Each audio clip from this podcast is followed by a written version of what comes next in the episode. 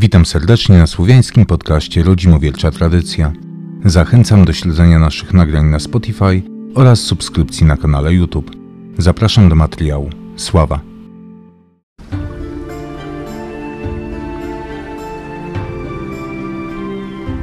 Witam serdecznie, z tej strony Mściwój z Zadrugi Korzenie. Rozmawiam dzisiaj z Samborem z Gromady Białożar. Witam serdecznie. Chcielibyśmy dzisiaj porozmawiać o rodzimowierstwie ogólnie i rodzimowierstwie tradycyjnym. Może zacznę od tego, że opowiem, czym jest rodzimowierstwo w ogóle. Dla osób, które nie miały wcześniej kontaktu, rodzimowierstwo jest to wiara etniczna, wiara wywodząca się od naszych przodków, wiara wywodząca się jeszcze z czasów przedchrześcijańskich, która opiera się na tradycyjnych wartościach, na etnosie związanym z cyklem natury, Ostatnio dostrzegamy, że coraz więcej osób wraca do duchowych korzeni, wraca do podwalin e, wiary etnicznej.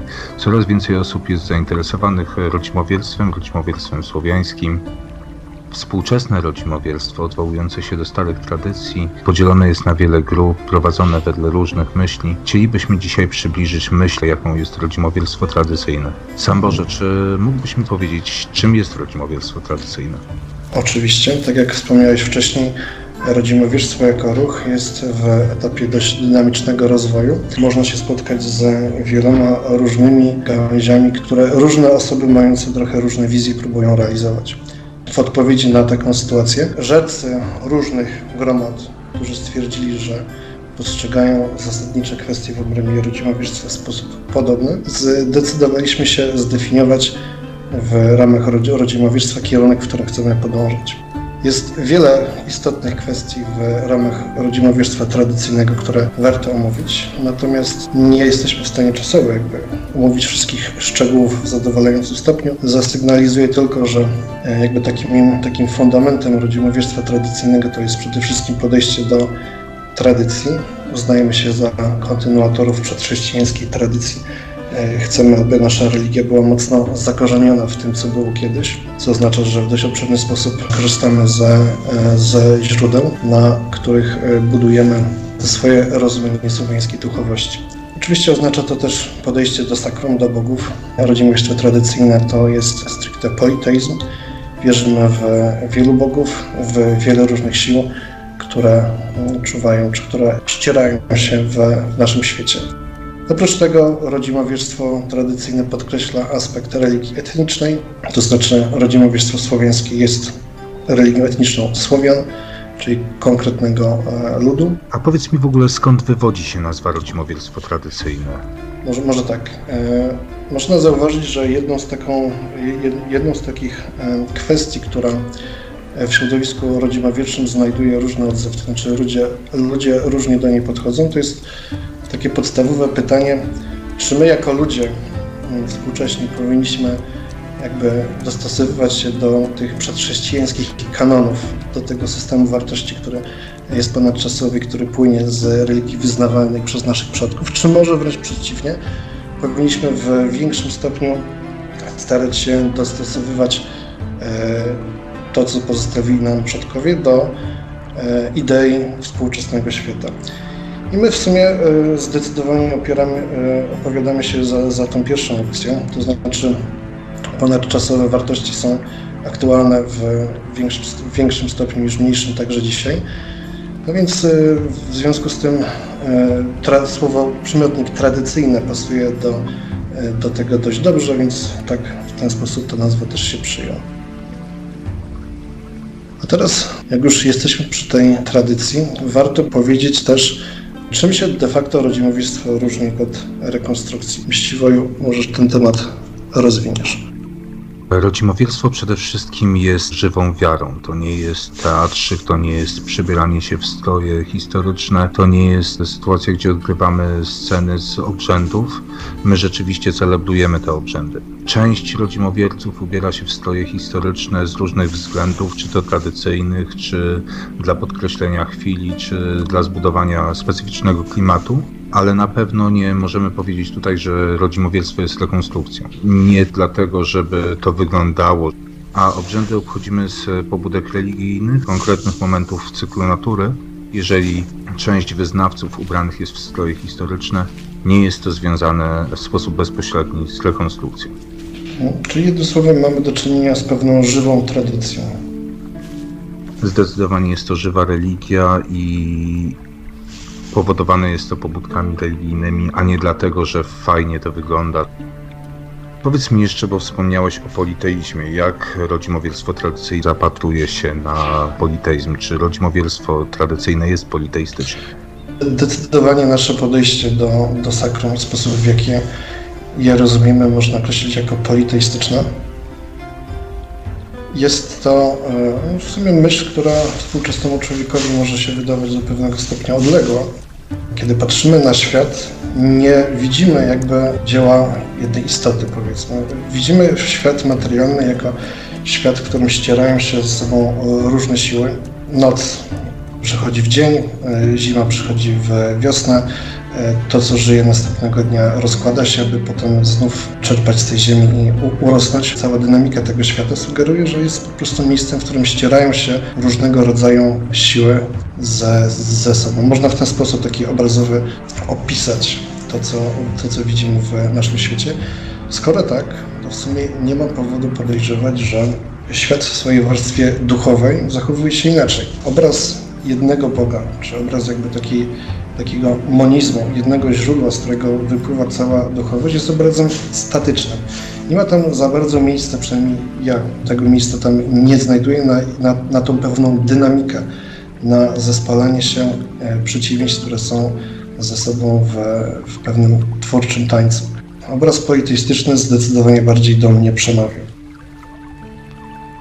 bo w związku z rodzimowielstwem tradycyjnym wierzymy w to, że bogowie to są konkretne istoty, a nie pewnego rodzaju emanacje, prawda? Prawda. Oczywiście jest tutaj wiele e, niuansów i to jest temat e, bardzo, bardzo e, głęboki i e, z, e, z pewnością, że tak powiem, nie da się go wyczerpać w ciągu 5 minut. Natomiast e, jak najbardziej uważamy, że spłycenie podejścia do bogów, tylko uznanie ich tylko za symbole przyrody i de facto, czyli e, sposób, e, w jaki ludzie kategoryzują e, obserwowane w świecie materialnym zjawiska, to jest zdecydowanie zbyt, zbyt płytkie podejście, które no, nie zadowala, nie, nie rezonuje z potrzebami duchowymi większości ludzi, jakich znam. Więc jak najbardziej tutaj się, się z Tobą zgodzę. Teraz mając to na uwadze, że mamy tutaj politeizm, Mimo wszystko pozostaje pytanie, czy możemy wśród bogów dopatrzeć się jakiejś hierarchii. Jeśli nie e, monoteizm, to czy na przykład jakieś formy pośrednie, może henoteizm albo czysty politeizm. Jak byś to widział? Powiem Ci tak, na pewno pierwszym stworzonym bogiem e, był Swaru, a to, czy kolejni bogowie byli stworzeni przez niego, czy powstali w akcie samokreacji, jest kwestią sporną. Ja osobiście uważam, że najprawdopodobniej pierwszych dwóch braci, Perun i Weles, zostali stworzeni przez Swaroga, aczkolwiek pod tym względem mhm. występują wszelkiego rodzaju różnice. Mówimy też tutaj o matce Mokosz, która powstała mniej więcej w podobnym okresie. Mówimy też o kolejnych bogach, takich jak Swarożyc czy Daćbóg, którzy powstali mhm. stworzeni przez Swaroga lub w akcie samokreacji według niektórych. Kolejni bogowie też są uznawani za dzieci poszczególnych bogów, tak jak Jaryło, Marzanna, e, mhm. Dziewanna. Ci bogowie uznawani są za dzieci konkretnych bogów. Uważam, że pewnego rodzaju hierarchia występuje. Na pewno e, Swaruch jest głównym bogiem, kowalem świata. Czy możemy uznać, że któryś bóg jest ważniejszy od innych? Powiedziałbym, że raczej nie. Wszyscy bogowie zajmują potrzebne miejsce w władzie świata. I nie możemy powiedzieć też o tym, że któremuś możemy oddawać bardziej lub mniej cześć, więc swojego rodzaju hierarchia tak występuje, ale czy możemy powiedzieć, że o, bez tego Boga byśmy się obyli, bo, bo jest e, załóżmy mniejszy stopniem? Zdecydowanie nie. Wspomniałeś tutaj, przy, przytoczyłeś taki obraz e, mitologiczny odnośnie e, e pochodzenia bogów. Czy, czy to jest obraz alegoryczny, czy na przykład e, uważasz, że re, relacje rodzinne między bogami należy rozumieć dosłownie? No nie, zdecydowanie nie. Tutaj mówimy o siłach niepojętych ludzkim rozumem w formie naukowej. Jeżeli w pewnym momencie w poszczególnych warunkach stworzyła się emanację konkretnego Boga, to w tym momencie nie musimy tego odbierać na ludzki sposób, że to jest syn czy córka, tak?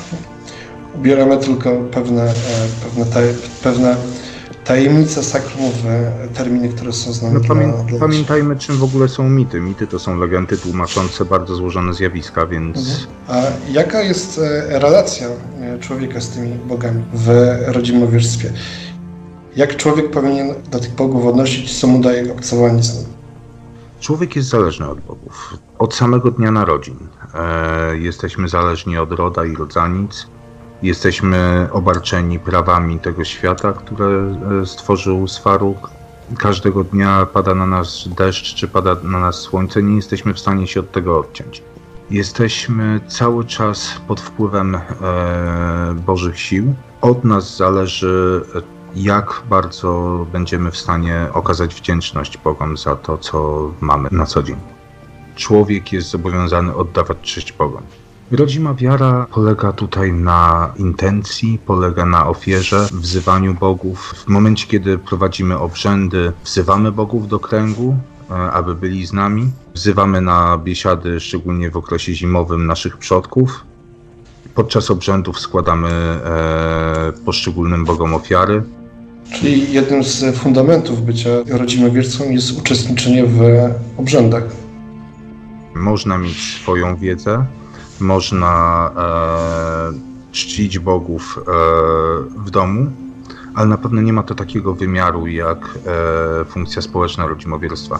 Zresztą patrząc wstecz, wyobrażasz sobie, żeby poszczególni ludzie jednoosobowo szli nad rzekę palić marzannę w momencie, kiedy jest to kolorowy korowód ludzi. Zdecyd- całej- zdecydowanie nie. Poza, poza tym, że e, religia daje człowiekowi możliwość e, zaspokojenia jego potrzeb duchowych czy obcowania z sakrum, jak najbardziej posiada też e, wymiar społeczny i zdecydowanie w ten sposób pod- podchodzili do tego nasi przodkowie przed przybyciem chrześcijaństwa. Dużo też rzeczy, jeżeli chodzi o właśnie to sakrum rodzimowiercze, po prostu nie jesteśmy w stanie osiągnąć samemu, bo dużo elementów obrzędowych po prostu wymaga konkretnych grup ludzi Mhm. czy konkretnego zjawiska, tak? Prawda, no, religia to nic innego jak duchowość, e, która e, uprawiana jest w, w grupie, tak? Ze swojej strony dziękuję Ci, Sam Boże, za spotkanie dzisiaj. Ja również dziękuję Ci mściwość za tę dzisiejszą rozmowę i także, jeśli e, choć w najmniejszym stopniu zaintrygowaliśmy Państwa mm, tym tematem, zapraszam do zapoznania się z rodzimowierstwem. Ze swojej strony bardzo chciałbym zaprosić do uczestnictwa w spotkaniach za drugi korzenie, do uczestnictwa w naszych obrzędach. Zapraszam także do, do uczestnictwa w obrzędzie naszej gromady, gromady Białożar w Warszawie. Jeżeli chodzi o kontakt z nami, najlepiej e, znaleźć nas na odpowiednich stronach na Facebooku. Jest to odpowiednio Zadruga Korzenie i Gromada Białożar. Jeśli zainteresowaliśmy Państwa tym tematem oraz e, chcieliby Państwo bliżej za, zapoznać się z rodzimą wiarą lub czują Państwo chęć uczestniczenia w rodzimowierczym obrzędzie, zapraszam do udziału w takim obrzędzie organizowanym przez moją gromadę, gromadę Białożar na terenie Warszawy. Informacje na ten temat znajdą Państwo na, e, na stronie facebookowej lub na stronie wordpressowej www.białożar.wordpress.com Sława. Sława, do widzenia.